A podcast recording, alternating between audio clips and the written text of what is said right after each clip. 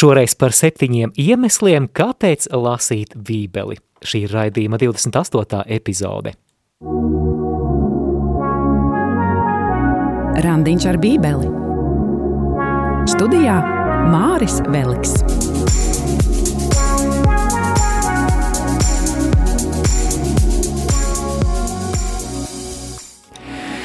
Esi sveicināts, mīļo klausītāji, Kristus ir augšām cēlies, patiesi augšām cēlies.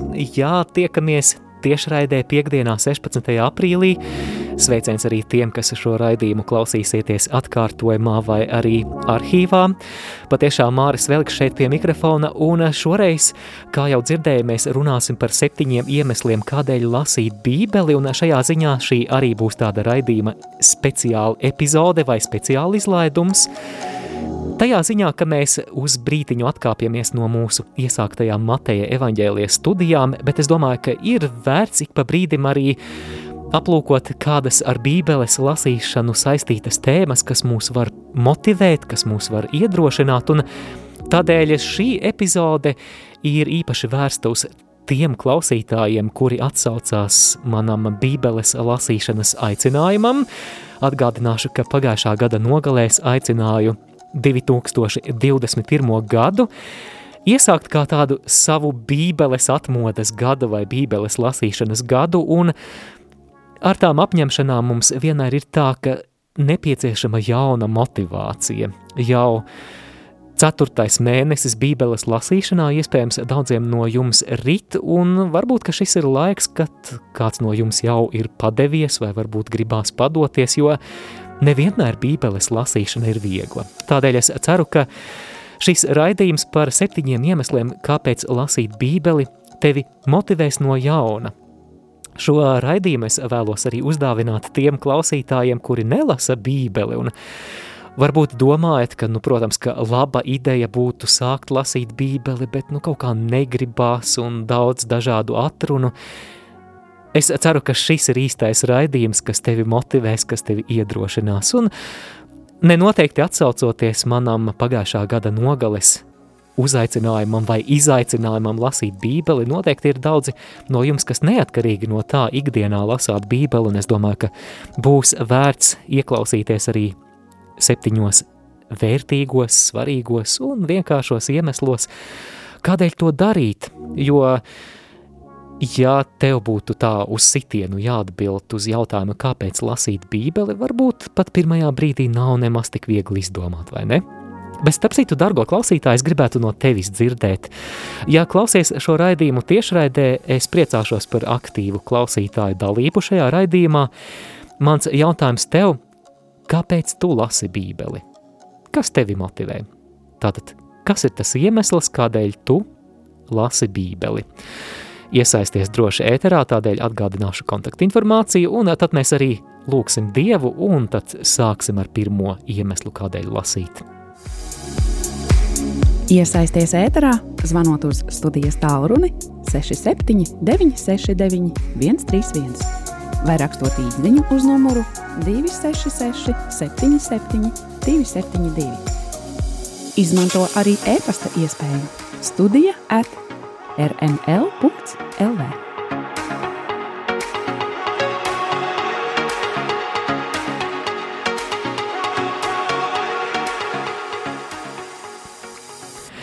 Dieva tēva un dēla un svētā gara vārdā Āmen.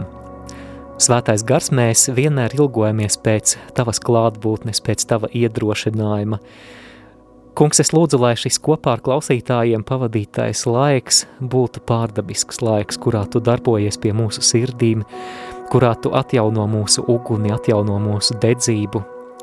Nāc svētais gars, es lūdzu, lai šī raidījuma laikā gan šeit studijā, gan pie klausītāju radioaparātiem ir tava atmosfēra, tava noskaņa, lai caur to Jēzus iemiesotais Dieva vārds tiek pagodināts, un lai mūsu sirdis top par auglīgu augsni Dieva vārda uzņemšanai.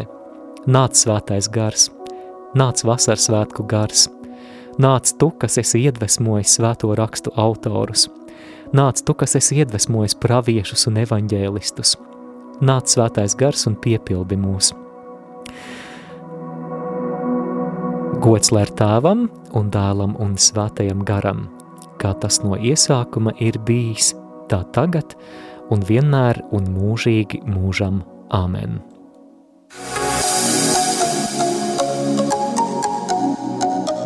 Skan randiņš ar bībeli. Un šajā randiņā ar bībeli, kā jau minēju, es runāšu par septiņiem iemesliem, kāpēc lasīt bībeli. Bet pirms es atklāju pirmo iemeslu, es vēlos sākt ar stāstu. Nu jau pirms vairākiem gadiem es braucu sabiedriskajā transportā uz Latgali, sēdēju autobusā un lasīju vecās derības psalmus. Man blakus labajā pusē sēdēja kāds puisis, kurš, es tā skatos, ka viņš ar vienu aci sāk šķielēt iekšā tajā manā grāmatā, un nu, patiešām interesanti, vai ne, taču blakus sēž kāds, kurš lasa kaut ko sakrālu. Negadās nemaz tik bieži sabiedriskajā transportā, vai ne? Un kādā brīdī šis puisis ziņkārības vadīts uzsāk ar mani sarunu, un mums tāda interesanta saruna par kristietību sākās – Un šīs sarunas laikā es šim puisim jautāju, ja tev būtu jānosauc, kas kristietībā ir pats svarīgākais, kas ir galvenais kristietībā, tad ko tu minētu? Daudz nedomājot, šis puisis man atbildēja desmit dieva baušļi. Dargo klausītāji, kā tev šķiet, vai es viņam piekritu vai nē? Pareizi domā tie klausītāji, kuri uzskata, ka es nepiekritu šim puisim. Jā, un nepārprotiet, protams, ka desmit dieva baušļi ir kaut kas ārkārtīgi svarīgs, bet visam ir sava vieta šajā vērtību hierarhijā. Jo kas tad kristietībā ir pats svarīgākais? Kas ir centrālais? Tā ir kāda persona. Tas ir Jēzus Kristus, patiesas dievs un patiesas cilvēks. Caur viņu mēs nonākam īstās patiesās attiecībās ar Dievu. Un šeit es vēlos pakavēties pie šī vārdiņa attiecības.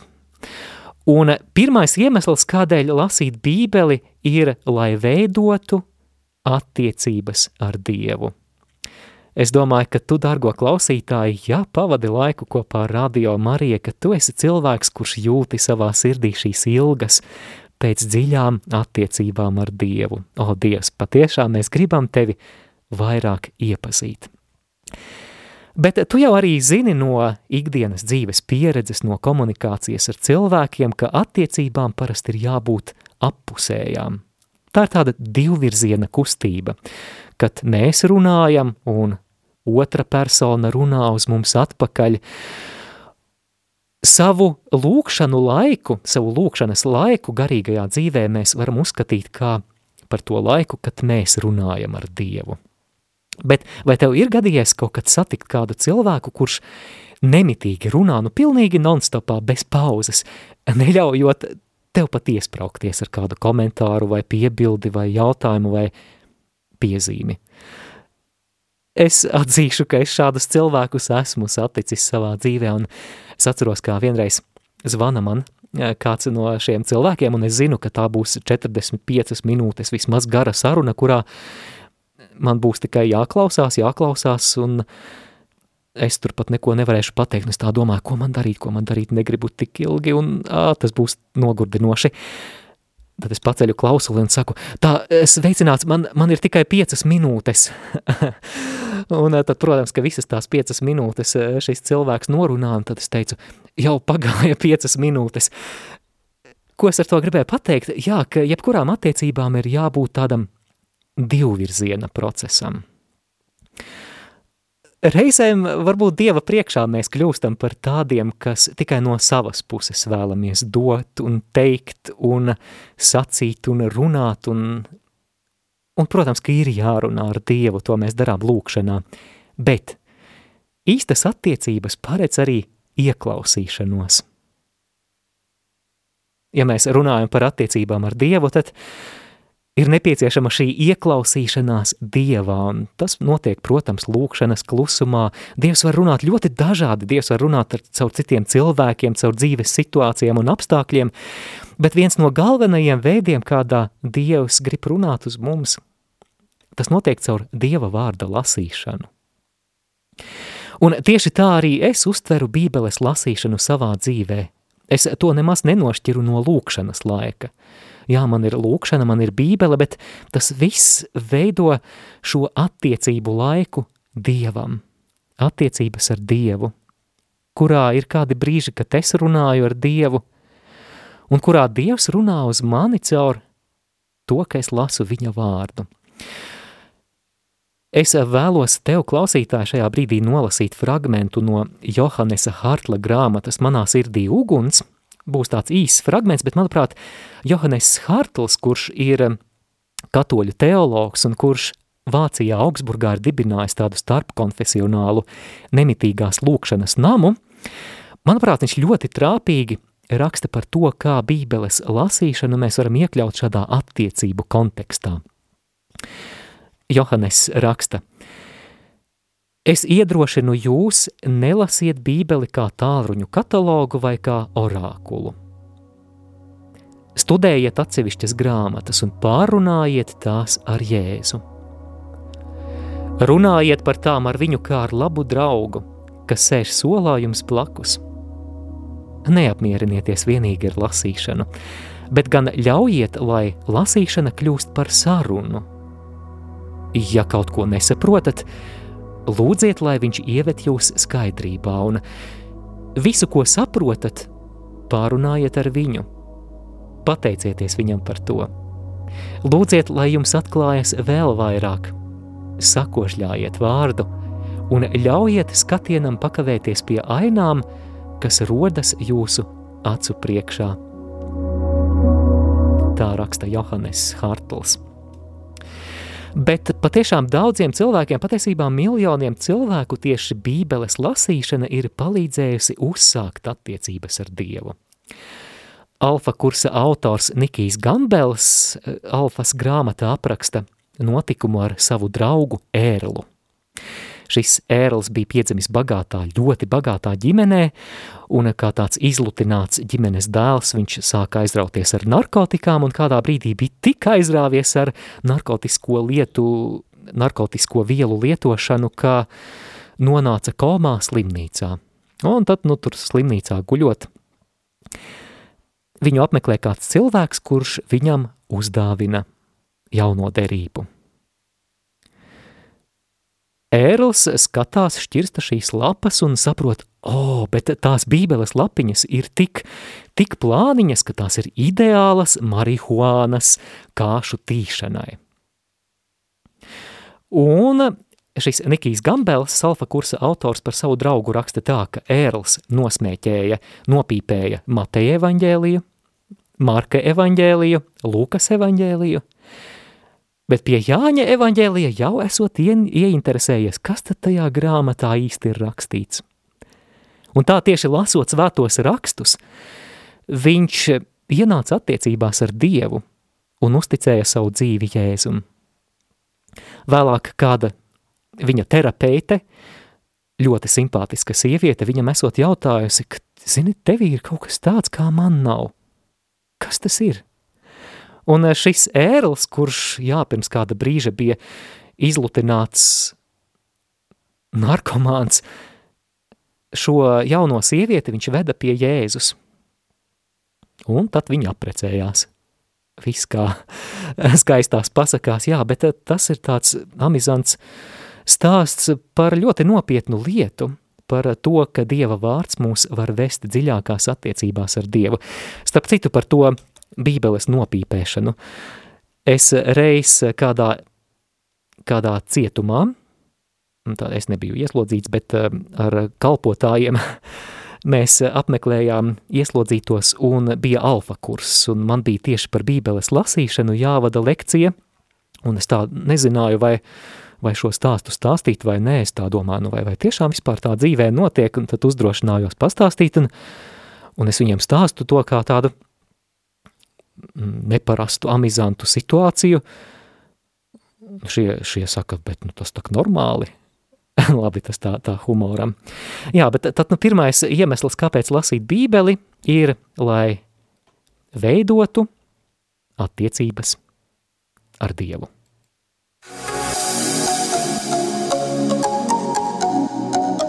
Skan randiņš ar bībeli.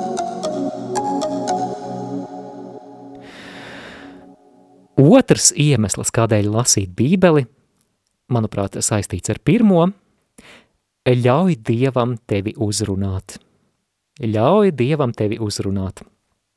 Lūkas evaņģēlija 24. nodaļā mēs lasām stāstu par diviem Jēzus draugiem, kur ir ceļā uz Emmausas ciemu, un noteikti atceries to stāstu, kad augšām celtais Jēzus piebiedrojas viņiem ceļā un sāk skaidrot vecās derības rakstus, un parādīt, kā jau vecajā derībā patiesībā šīs rakstu vietas runā par Jēzus mesijas nāvi un augšām celšanos.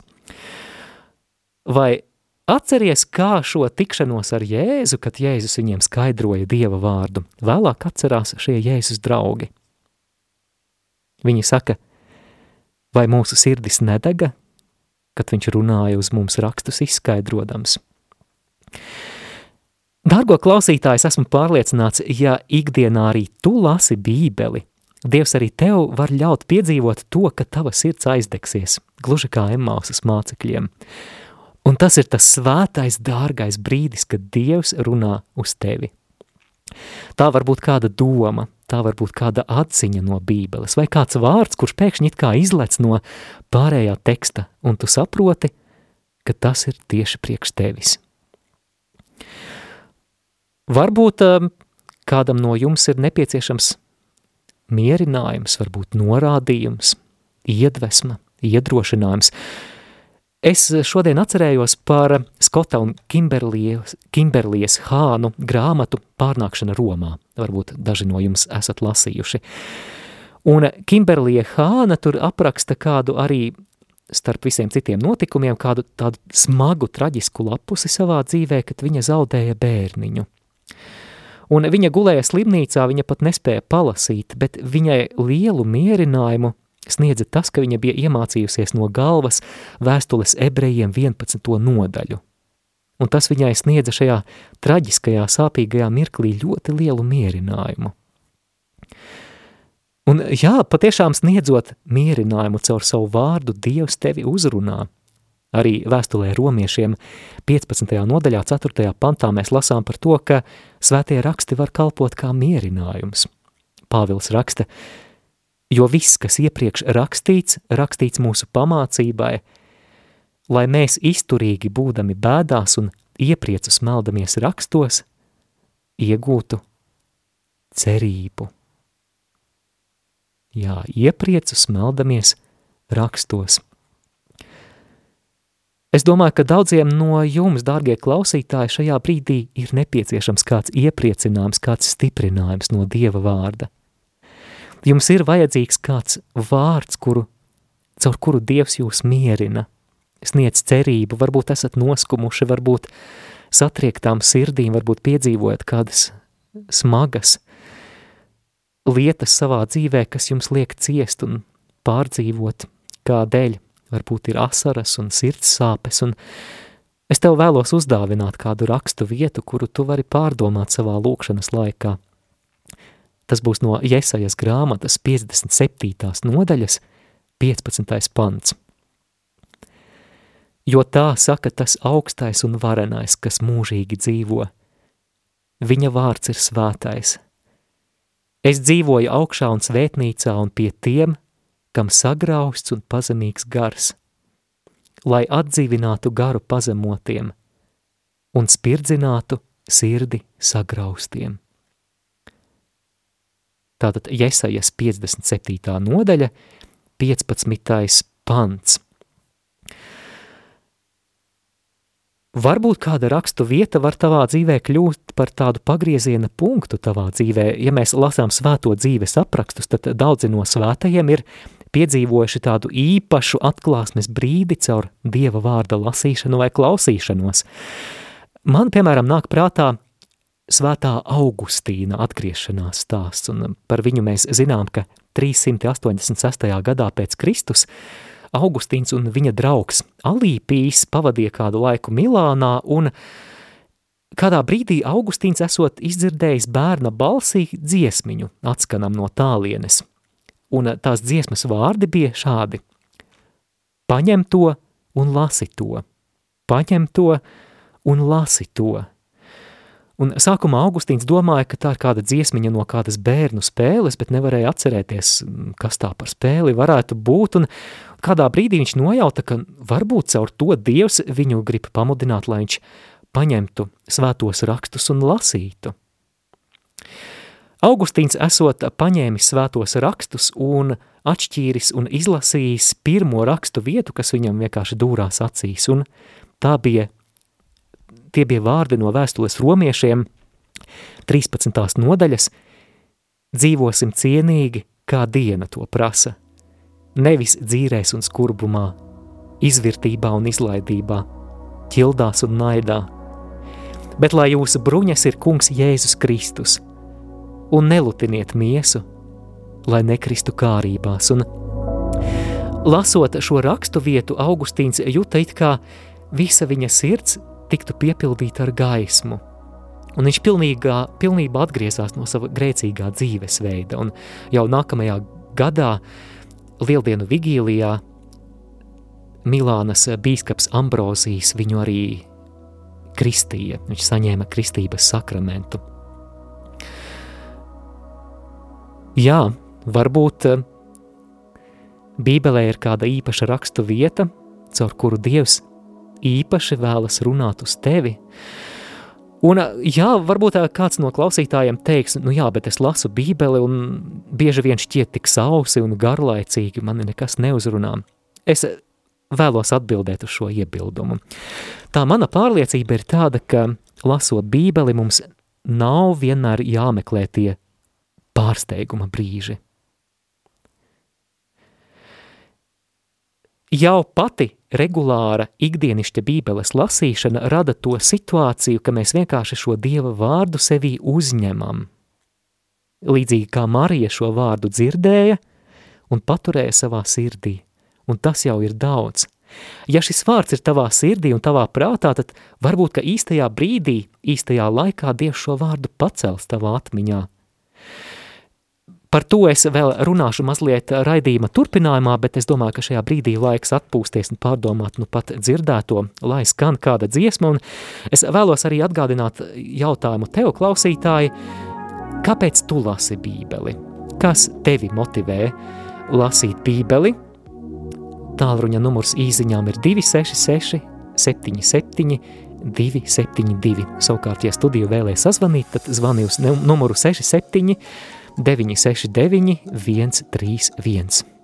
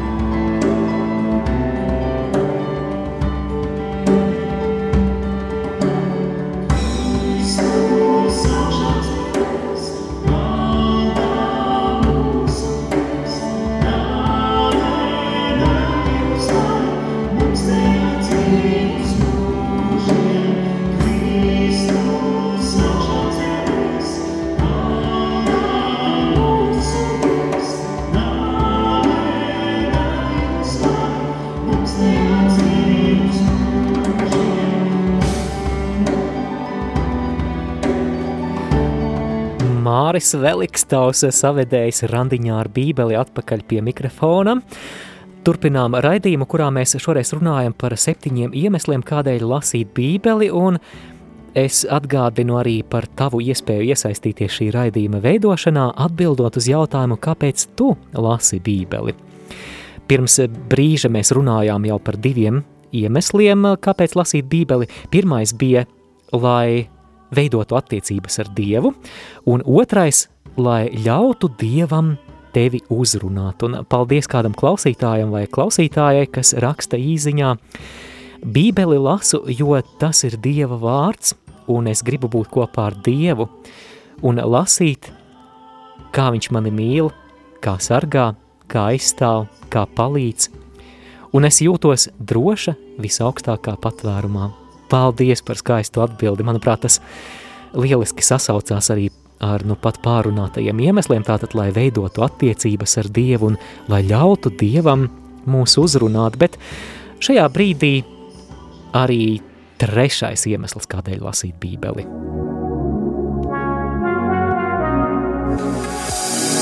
Trešais iemesls, kādēļ lasīt bībeli, bībele ir garīgs uzturs. Bībele ir garīgs uzturs.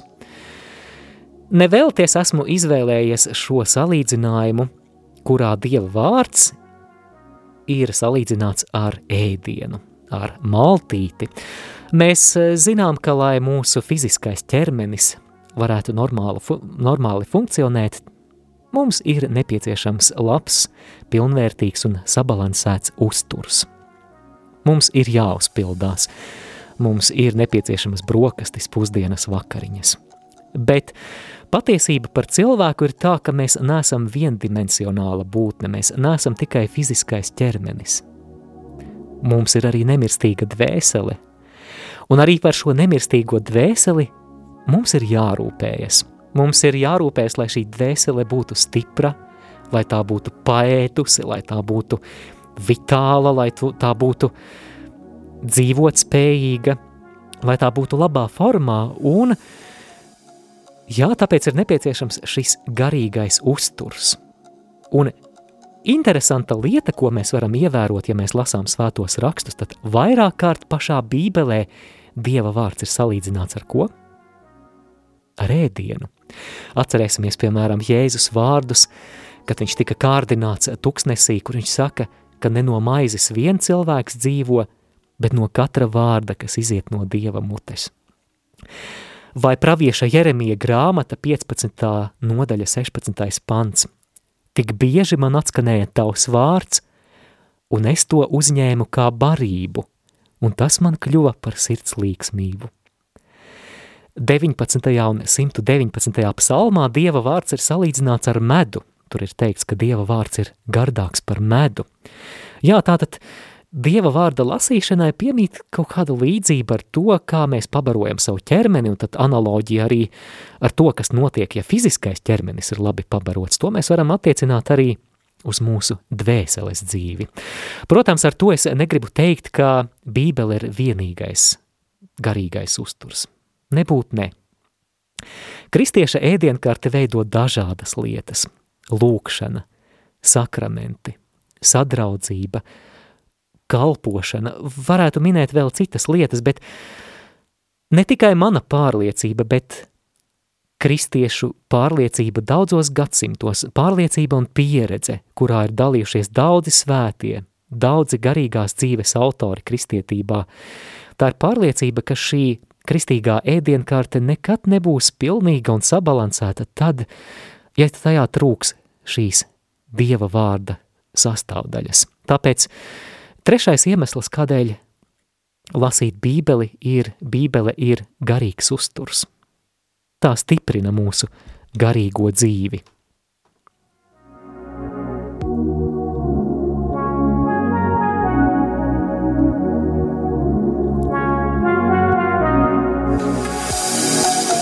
Ceturtais iemesls, kādēļ lasīt svētos rakstus. Ceturtais ir šāds – lai augtu svētumā – lai augtu svētumā. Un paskaidrošu, kā, kā tas notiek, kā svētie raksti var mums palīdzēt augt svētumā, un atcerēsimies, ka svētums ir mūsu katra universālais aicinājums. Dievs mūs ikvienu aicina, jo tā ir dzīve vispilnīgākajā izpausmē. Es sākšu ar, ar jautājumu, klausītāji, vai tu atceries, ko Jēzus saka, no kurienes tad iziet cilvēka ļaunie darbi? No sirds. Mateja 15. nodaļa, 15. pants. Jēzus saka, no sirds iziet ļauni nodomi, slepkavība, laulības pārkāpšana, izvirtība, zakšana, apmelošana, zaimi. Jā, mēs redzam, ka mūsu rīcība atbilst mūsu iekšējam sirds stāvoklim. Un ja mūsu sirdī, mūsu garīgajā pasaulē valda samaitātība, ja tur ir puvekļi, tad agrāk vai vēlāk tas izlauzīsies uz āru, lai arī kā mēs to nenoslēptu. Un uh, it sevišķi situācijā, kad kādi apstākļi mūs sāk spiest, gluži kā tad, kad mēs uzspiežam zobu pasta stūpiņu, tad sāka nākt ārā saturs. Arī kādā brīdī mūsu sirds saturs nāk ārā. Tātad runa ir par sirds saturu. Bet no sirds, protams, var nākt ārā arī ne tikai ļauni darbi, bet arī labas lietas. Žālsirdība, piedošana, mīlestība, kalpošana, rūpes. Tas, ar ko mums asociējās svētums, un tad nu mēs nonākam pie šī svarīgā jautājuma, ar ko tad mēs ikdienā piepildām savu sirdi? Ar ko mēs ikdienā piepildām savu prātu, vai, vai ar kaut kādiem draņķiem un samazgām, kas neatbilst Dieva gribai, vai ar Dieva vārdu? Un sakām vārdu grāmatā lecajā derībā ir rakstīts, ka pāri visam sargā savu sirdi, jo no tās dzīvība izverd. Un jo vairāk mēs esam piepildīti ar Dieva vārdu, jo vairāk tam vajadzētu vēlāk atspoguļoties mūsu dzīvē. Tātad atkal atgriežoties pie tās līdzības ar zobu pasta stūbiņu. Ja dzīve mums uzspiež, tad ārā nāk tas, nu vajadzētu nākt ārā tam, kas atbilst Dieva vārdam – Tātad, ja mēs ļaujam Dieva vārdam veidot mūsu vērtības, mūsu pārliecības, tad man patīk domāt par to šādā veidā. Tātad, ja mēs ļaujam Dieva vārdam šīs mūsu vērtības veidot, mēs iegūstam kaut ko līdzīgu prizmai, caur kuru mēs skatāmies un vērtējam dažādas dzīves situācijas. Man ļoti patīk, kā apustulis Pāvils pirmajā vēstulē korintiešiem 2.16 saka, bet mums ir Kristus prāts – bet mums ir Kristus prāts. Jā, bet mums nevar būt Kristus prāts, proti mēs nevaram raudzīties uz dzīvi, kā to darītu Jēzus, tad, ja mūsu prāts nav piepildīts ar viņa patiesību un ar viņa vārdu. Un tāpēc vēstulē romiešiem 12. nodaļā no 1. līdz 2. pantam Pāvils mudina pirmkārt nekļūt šai pasaulē līdzīgiem, bet atjaunoties savā prātā lai saprastu Dieva gribu. To, kas labs, tīkams un pilnīgs. Tātad nekļūt pasaulē līdzīgi, nepieņemt šīs pasaules vērtības, kuras bieži vien ir pretrunā Dieva gribai un Dieva vārdam, bet atjaunoties savā prātā, un kā, kā šī mūsu prāta atjaunošana notiek? Caur Dieva vārda uzņemšanu. Piemēram, Es nezinu, varbūt arī tu esi uzdevis klausītāji sev jautājumu, nu kā tas ir iespējams, ka mūsdienās daudzi kristieši sāk ticēt tā, kā baznīca nekad agrāk nav sludinājusi un nav ticējusi. Un, piemēram, kāpēc pat kristiešu jaunieši varbūt bieži vien pat neuzskata par svarīgu saglabāt šķīstību līdz laulībai? Kā tas ir iespējams? Manuprāt, tas ir tādēļ, ka mēs sākam tapt pasaulē līdzīgi. Tā vietā, lai mēs atjaunotu savu prātu Dieva vārdā, mēs ļaujam pilienu pa pilienam, pilienu pa pilienam, pilienu pa pilienam mūsu prātus pārņemt pasaulīgai domāšanai. Un kādā brīdī mēs sākam domāt, kāpēc gan ne? Visi tā dara. Bet, ja es izvēlos sekot Jēzum, es vēlos, lai visu manu būtību piepilda viņa vārds. Tik ļoti, ka domāt atbilstoši viņa vārdam kļūst tikpat dabiski kā elpot.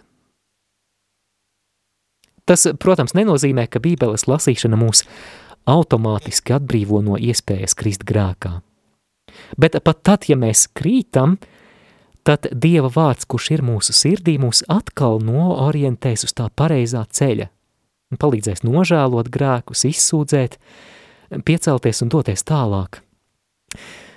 Pāvils Timotejam, 2. Timotejam, 3. nodaļā no 16. līdz 17. pantam raksta – Visi šie raksti ir Dieva iedvesti un ir noderīgi mācībai, vainas pierādīšanai, labošanai, audzināšanai taisnībā, lai Dieva cilvēks būtu pilnīgs, sagatavots katram labam darbam. Jā, lai Dieva vārds, lai, piedodiet, lai Dieva cilvēks būtu pilnīgs. Mēs varētu pārfrāzēt, lai Dieva cilvēks ietu pa svētuma ceļu. Un tā ir tava izvēle, kam tu vēlies ļaut veidot tavu pasaules redzējumu. Pasaulē vai dievam? Un jo vairāk mēs būsim uzņēmuši šo dieva vārdu, jo vairāk mēs būsim ar to piesūkušies, jo vairāk tas būs mūsu atmiņā, mūsu sirdī, mūsu domās, jo vairāk šis vārds kļūs par mērauklu mūsu ikdienas izvērtēšanai. Es ceru, ka uztvēri manis teikto domu. Šajā brīdī dodamies mūzikas pauzē, un atgādinu arī jautājumu tev klausītājs, patiešām no sirds priecāšos, ja iesaistīsies raidījumā atbildot uz jautājumu, kāpēc tu lasi bībeli, bet mums vēl vairāki bībeles lasīšanas iemesli ir priekšā un būs interesanti paliec kopā. Thank you.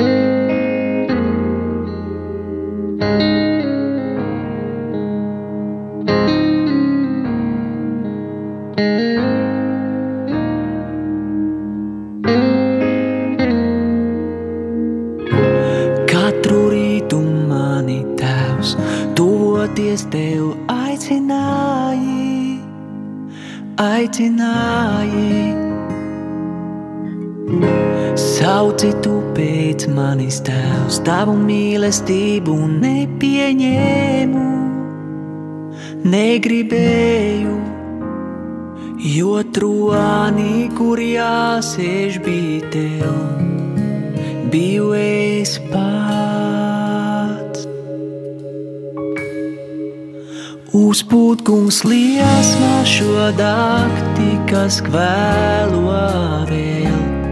Sālaustu satriektu ņem mani tēvs ar dzīvības garu piepildī vēlreiz.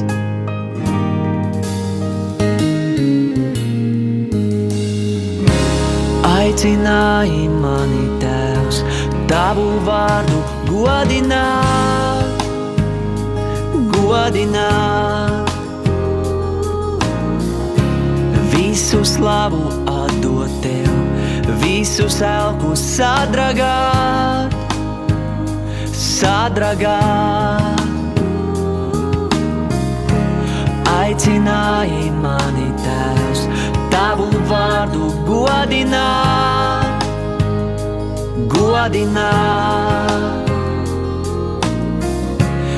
Visu slavu atdot tev, visus elkus sadragāt, sadragāt. Vienīgi Jēzus ir kungs uz mūžiem, viņš ir kungs uz pūtku liesmā šo dakti, kas kvēlo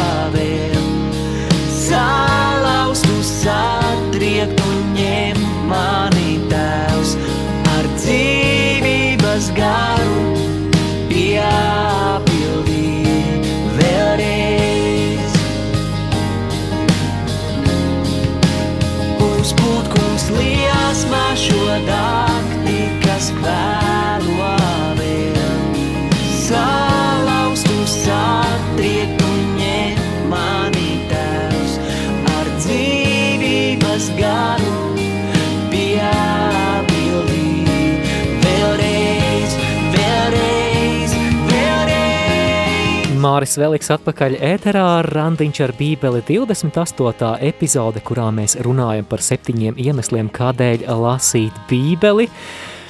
Dargo klausītāji, lai man šeit studijā nebūtu vientuļi, lai nebūtu tā sajūta, ka mani neviens nedzird un neklausās, tad priecāšos, ja tu iesaistīsies un atbildēsi uz jautājumu, kāpēc tu lasi bībeli. Nu, protams, ja lasi, ja, ja nelasi, tad es eh, ceru, ka šis raidījums tevi iedvesmos to dal, darīt, jo es šajā raidījumā regulāri arī mēdzu atkārtot, ka raidījums randiņš ar bībeli noteikti, noteikti neaizstāja tavus privātos randiņus ar bībeli. Gluži kā uzturas bagātinātājs neaizstāja pilnvē, pilnvērtīgu un sabalansētu uzturu, Un eh, viens no šī raidījuma mērķiem, viens no maniem sapņiem šajā raidījumā ir iedvesmot iespējami vairāk cilvēkus lasīt svētos rakstus. Pat tad, ja nevienmēr to ir viegli darīt. Es, es negribu radīt klausītājiem tādu sajūtu vai tādu iespaidu, ka Bībeli lasīt vienmēr ir viegli un aizraujoši, un ka vienmēr mums ir tas medus mēnesis lasot Bībeli. Nē, reizēm Bībeli lasīt tas ir darbs, tā ir garīgās dzīves disciplīna, bet es ceru, ka šajā brīdī, kad mēs pārunājam šos iemeslus, kādēļ ir vērts lasīt bībeli, es ceru, ka es tev vismaz daļēji parādu to, kāpēc ir vērts saņemties, kāpēc ir vērts sevi piespiest un tai vietā, lai veselu stundu pavadītu sociālajos tīklos un piesārņotu savu galvu ar dažādām drazām, lai tai vietā patiešām izvēlētos šo veselīgo, garīgo uzturu, es nevienu mirkli ar bībeli neesmu savā dzīvē nožēlojis. Es domāju, ka neviens cilvēks, kurš ir lasījis bībeli un kurš to lasa ikdienā, nenožēlo, un tas ir vērtīgs, vērtīgs ieguldījums mūsu attiecībās ar Dievu, mūsu garīgajā briedumā, mūsu izaugsmē. Mēs jā, es, es pateicos klausītājiem, kuri jau ir atbildējuši uz šo jautājumu, kāpēc viņi lasa bībeli, un es nolasīšu kāda klausītāja ziņu. Es lasu bībeli, lai vairāk iepazītu Dievu, iemīlētu un lai atjaunotos un garīgi līdzīgākam Jēzum. Jā, paldies liels!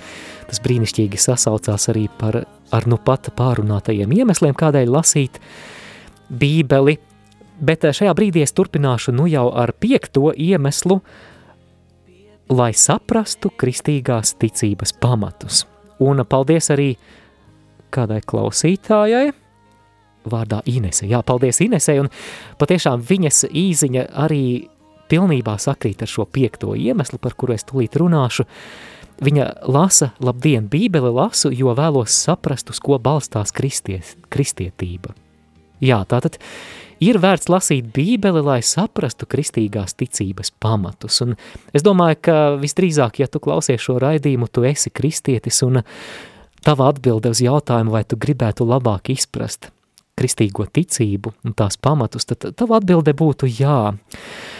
Un tad, nu, lēmums lasīt bībeli ir tāds mūsu upurītis, ko mēs darām, lai to, lai to izdarītu, lai labāk saprastu kristietību, jo Man personīgi šķiet tikai pašsaprotami, ka ja mēs vēlamies iepazīt labāk kristīgo ticību, tad mēs ķeramies klāt pirmavotiem.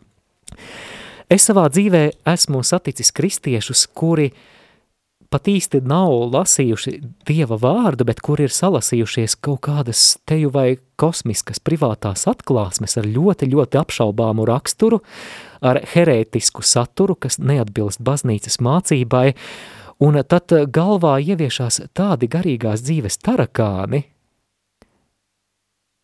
tāpēc lasīsim Dieva vārdu, lai, lai saprastu, ko tad māca baznīca, kas ir tas mums nodotais atklāsmes mantojums, šis ticības depozīts, ko kristieši ir nodevuši baznīcā gadsimtu no gadsimta.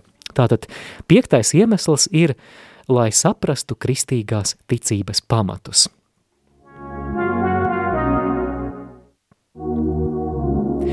Sastais iemesls. Ja iepriekšējie iemesli varētu būt uzrunājoši kristiešiem, tad šis sastais iemesls ir tāds, manuprāt, ļoti universāls, un šis ir iemesls, kādēļ, manuprāt, bībeli ir vērts lasīt arī tiem cilvēkiem, kuri nav kristieši un kuri pat varbūt nedomā saistīt savu dzīvi ar kristietību. Proti, runa ir par to, lai mēs būtu kulturāli un inteliģenti izglītoti cilvēki. Sastais iemesls ir, lai saprastu rietumu civilizācijas pamatus. Tātad, lai saprastu rietumu civilizācijas pamatus, un patiešām mūsu rietumu kultūra, rietumu sabiedrība ir tik ļoti balstīta kristīgajā mantojumā, mēs redzam, piemēram, mākslā, piemēram, mākslā, mākslas vēsturi mēs līdz galam nekad nevarēsim saprast, ja mēs nesapratīsim bibliskos sižetus ko nozīmē Da Vinci pēdējās vakariņas Milānā. Ko tad Michelangelo ir no tā akmens bluķa izveidojis, proti to Dāvidu slaveno, ko Florencē mēs varam aplūkot? Kas tas ir? Ja tu nezini, kas ir Dāvids, ja tu neesi iepazinies ar tiem notikumiem, kas Bībelē ir aprakstīti saistībā ar Dāvida dzīvi, tad tas daudz neko neizteiks. Mēs, godīgi sakot, pat Eiropas Savienības karogu un tā simboliku līdz galam neizpratīsim, atcerē, atcerēsimies šīs 12 zvaigznes Eiropas zilajā karogā, un um, mēs to līdz galam nesapratīsim, tad, ja mēs nesapratīsim, ko šis 12 skaitlis nozīmē Bībelē, vai, piemēram, mūzikas jomā, ir tik daudz sakrālās mūzikas, rietumu mūzikas pasaulē, Patiesībā bez kristīgiem sižetiem un tēmām, bez dažādiem liturģiskajiem tematiem, akadēmiskā mūzika nebūs saprotama. Un joprojām šie kristīgie sižeti ir ļoti iecienīts virziens daudziem mūsdienu komponistiem ja mēs runājam, piemēram, par baroka laikmetu, tad tāds skaņdarbs, leģendārs, ģeniāls, ģeniāls skaņdarbs, kurš līdz mūsdienām ir saglabājis savu to monumentālo vērienīgo skanējumu un savu vērtību, ir Hendeļa oratorija Mesija. Ļoti, ļoti monumentāls biblisks skaņdarbs ar svēto rakstu tekstiem. Uh, un mēs īsti nekad nesapratīsim, par ko tur ir runa, ja mēs nebūsim iepazinušies ar bībeles tekstiem. Vai, piemēram, uz tiesību jomu aizējam, tad cilvēku tiesības, kas ir tāda vispār mūsdienu pasaules liela, liela vērtība, cilvēku tiesībām arī ir liela, liela saistība ar kristīgām vērtībām, jo tam ir bibliski un kristīgi un jūd, jūdaismā un kristietībā balstīti pamati vai šīs saknes, ja mēs runājam par cilvēka vērtības apziņu. Tātad šis cilvēks, kurš ir vērtīgs, kurš ir radīts pēc Dieva attēla un līdzības, un no tā izriet arī daudzas neatņemamās tiesības – Vai, piemēram, sižeti literatūrā, kāpēc Rainis rakstīja par Jāzepu un viņa brāliem? Brāļiem. Tas ir biblisks sižets un, protams, Raina radošā interpretācijā.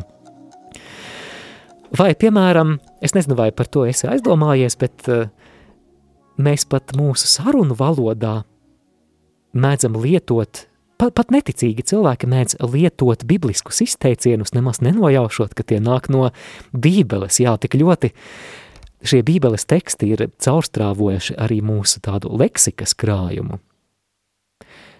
Piemēram, grēkāzis vai, ja citam bedri raksi, pats tajā iekritīsi vai gudrs kā zālamans, vai piedauzības akmens, salauzta sirds, mest pirmo akmeni, aklais ceļvedis, žēlsirdīgais samarietis, piliens spainī, aizliegtais auglis, aci pret aci, zobu pret zobu, mazgāt rokas nevainībā, šie visi ir bibliski izteikumi.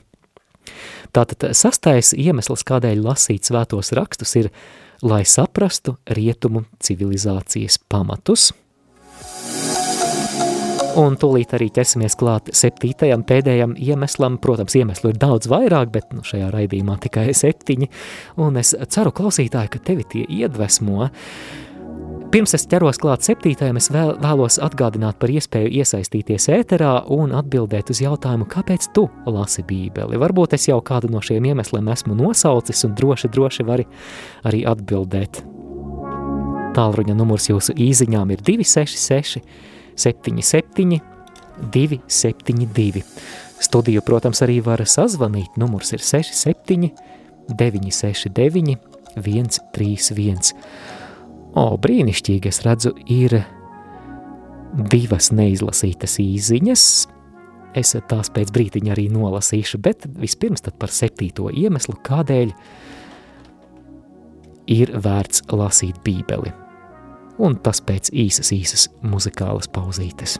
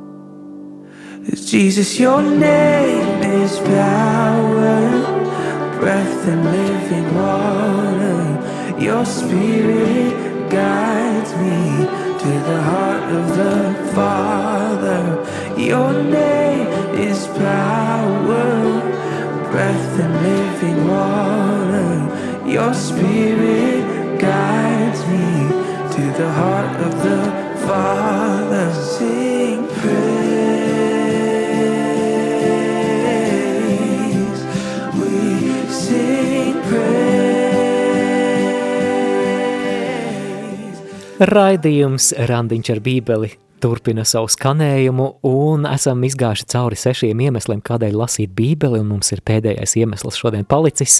Septītais iemesls ir baznīca uz to aicina.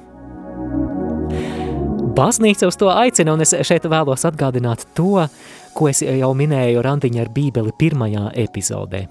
Interesanti, kā būtu, ja es sacītu, ka es esmu labs katolis – Es mīlu pāvestu, es mīlu Mariju, es eju pie grēksūdzes, bet ir viena lieta, ko es nedaru un neuzskatu par vajadzīgu, proti svētdien apmeklēt svēto misi. Es nekad arī neod, ne, neadorēju, bet es esmu ļoti labs katolis, bet mise tas vienkārši nav priekš manis. Vienkārši tas nav priekš manis. Jā, varbūt priekš citiem es to saprotu, es to tolerēju, bet ne priekš manis ja tā, vai es esmu labs katolis? Es zinu, ka pie radioaparātiem šobrīd atskan pārliecinošs nē. Bet tagad ielūkosimies, kas tad par Dieva vārda lasīšanu ir rakstīts otrā Vatikāna koncila dokumentā Dei Verbum. Un tur ir rakstīts, baznīca svētos rakstus vienmēr godinājusi tāpat kā kunga miesu. Wow, tas tik spēcīgi teikts! Bet būsim godīgi, mēs katoļi esam ļoti pavirši pret šo baznīcas mudinājumu. Mēs nelasām un mēs nepazīstam šo grāmatu, kuru mums mantojumā baznīca ir nodevusi. Un, jā, nu jāatzīst reāli, ka tādējādi mēs pilnībā neatsaucamies uz to, uz ko mūs baznīca mudina.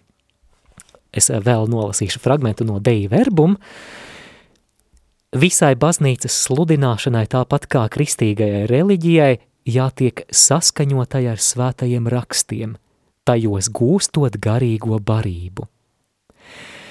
Jo svētajās grāmatās tēvs, kas ir debesīs, ar lielu mīlestību nāk pretī saviem bērniem un sarunājas ar viņiem. Bet spēks un vara, kas piemīt Dieva vārdam, ir tik lieli, ka baznīcai šis vārds kļūst par balstu un stiprumu, bet baznīcas bērniem par ticības spēku, dvēseles uzturu, tīru neizsīkstošu garīgās dzīves avotu. Lūk, kas ir teikts par Dieva vārda lasīšanu, un Tāpat svētais koncils neatlaidīgi un īpašā veidā mudina visus kristuma ticīgos, īpaši klosteru ļaudis, lai bieži lasot dievišķos rakstus, tie sasniegtu Kristus Jēzus pazīšanas vispilnīgāko vērtību. Un tālāk ir citēts svētais hieronīms, patiešām nezināt rakstus nozīmē nepazīt Kristu. Šajā pēdējā fragmentā, ko es lasīju, varbūt tā mūsu uzmanība apstājās pie vārdiem klosterļaudis, un, protams, vai klosterļaudīm, ja nelasa svētos rakstus, nu kurš tad cits, ja ne klosterļaudis, bet es vēlos atgādināt, kas bija pirms tam rakstīts. Svētais koncils neatlaidīgi un īpašā veidā mudina visus kristumticīgos. Ko nozīmē visus? Tepat nav vajadzīgs skaidrojums no skaidrojošās vārnīcas. Visi nozīmē visi, tātad arī tu, tātad arī es. Aicina visus, lai bieži lasot dievišķos rakstus, tie sasniegtu Jēzus pazīšanas visaugstāko vērtību. Tik tālu par septiņiem iemesliem, kādēļ lasīt svētos rakstus, un pirms es nolasu arī klausītāju atsūtītās īziņas, es vēlos atgādināt, kādi tad šie iemesli ir. Pirmais, lai veidotu attiecības ar Dievu. Otrais, lai ļautu Dievam tevi uzrunāt. Trešais, lai garīgi sevi pabarotu. Ceturtais, lai augtu svētumā. Piektais, lai saprastu kristīgās ticības pamatus. Sastais, lai saprastu rietumu civilizācijas pamatus. Un septītais, baznīca mūs uz to mudina. Paldies klausītājiem, kas ir atsaukušies un raksta. Jā, paldies Ritai, kas raksta. Bībeli lasu, jo, lai veidotu mīlestības attiecības, ir jāpazīt, jāpazīst tas, kuru mīli. Kā lai veido attiecības, ja nepazīst? Dievs ir atbildējis caur Bībeli uz manas dzīves problēmām, smagu situāciju. Paldies, Rita, ļoti, ļoti skaista atbilde. Un, un, un, un. Paldies Esterei. Estere raksta, Kristus ir augšām cēlies, patiesi augšām cēlies. Es lasu bībeli, jo no tās es garīgi barojos. Paldies, Estere. Dargo klausītāji, lai brīnišķīgi tev privātie randiņi ar bībeli. Šeit studijā biju es, savedējs Māris Veliks.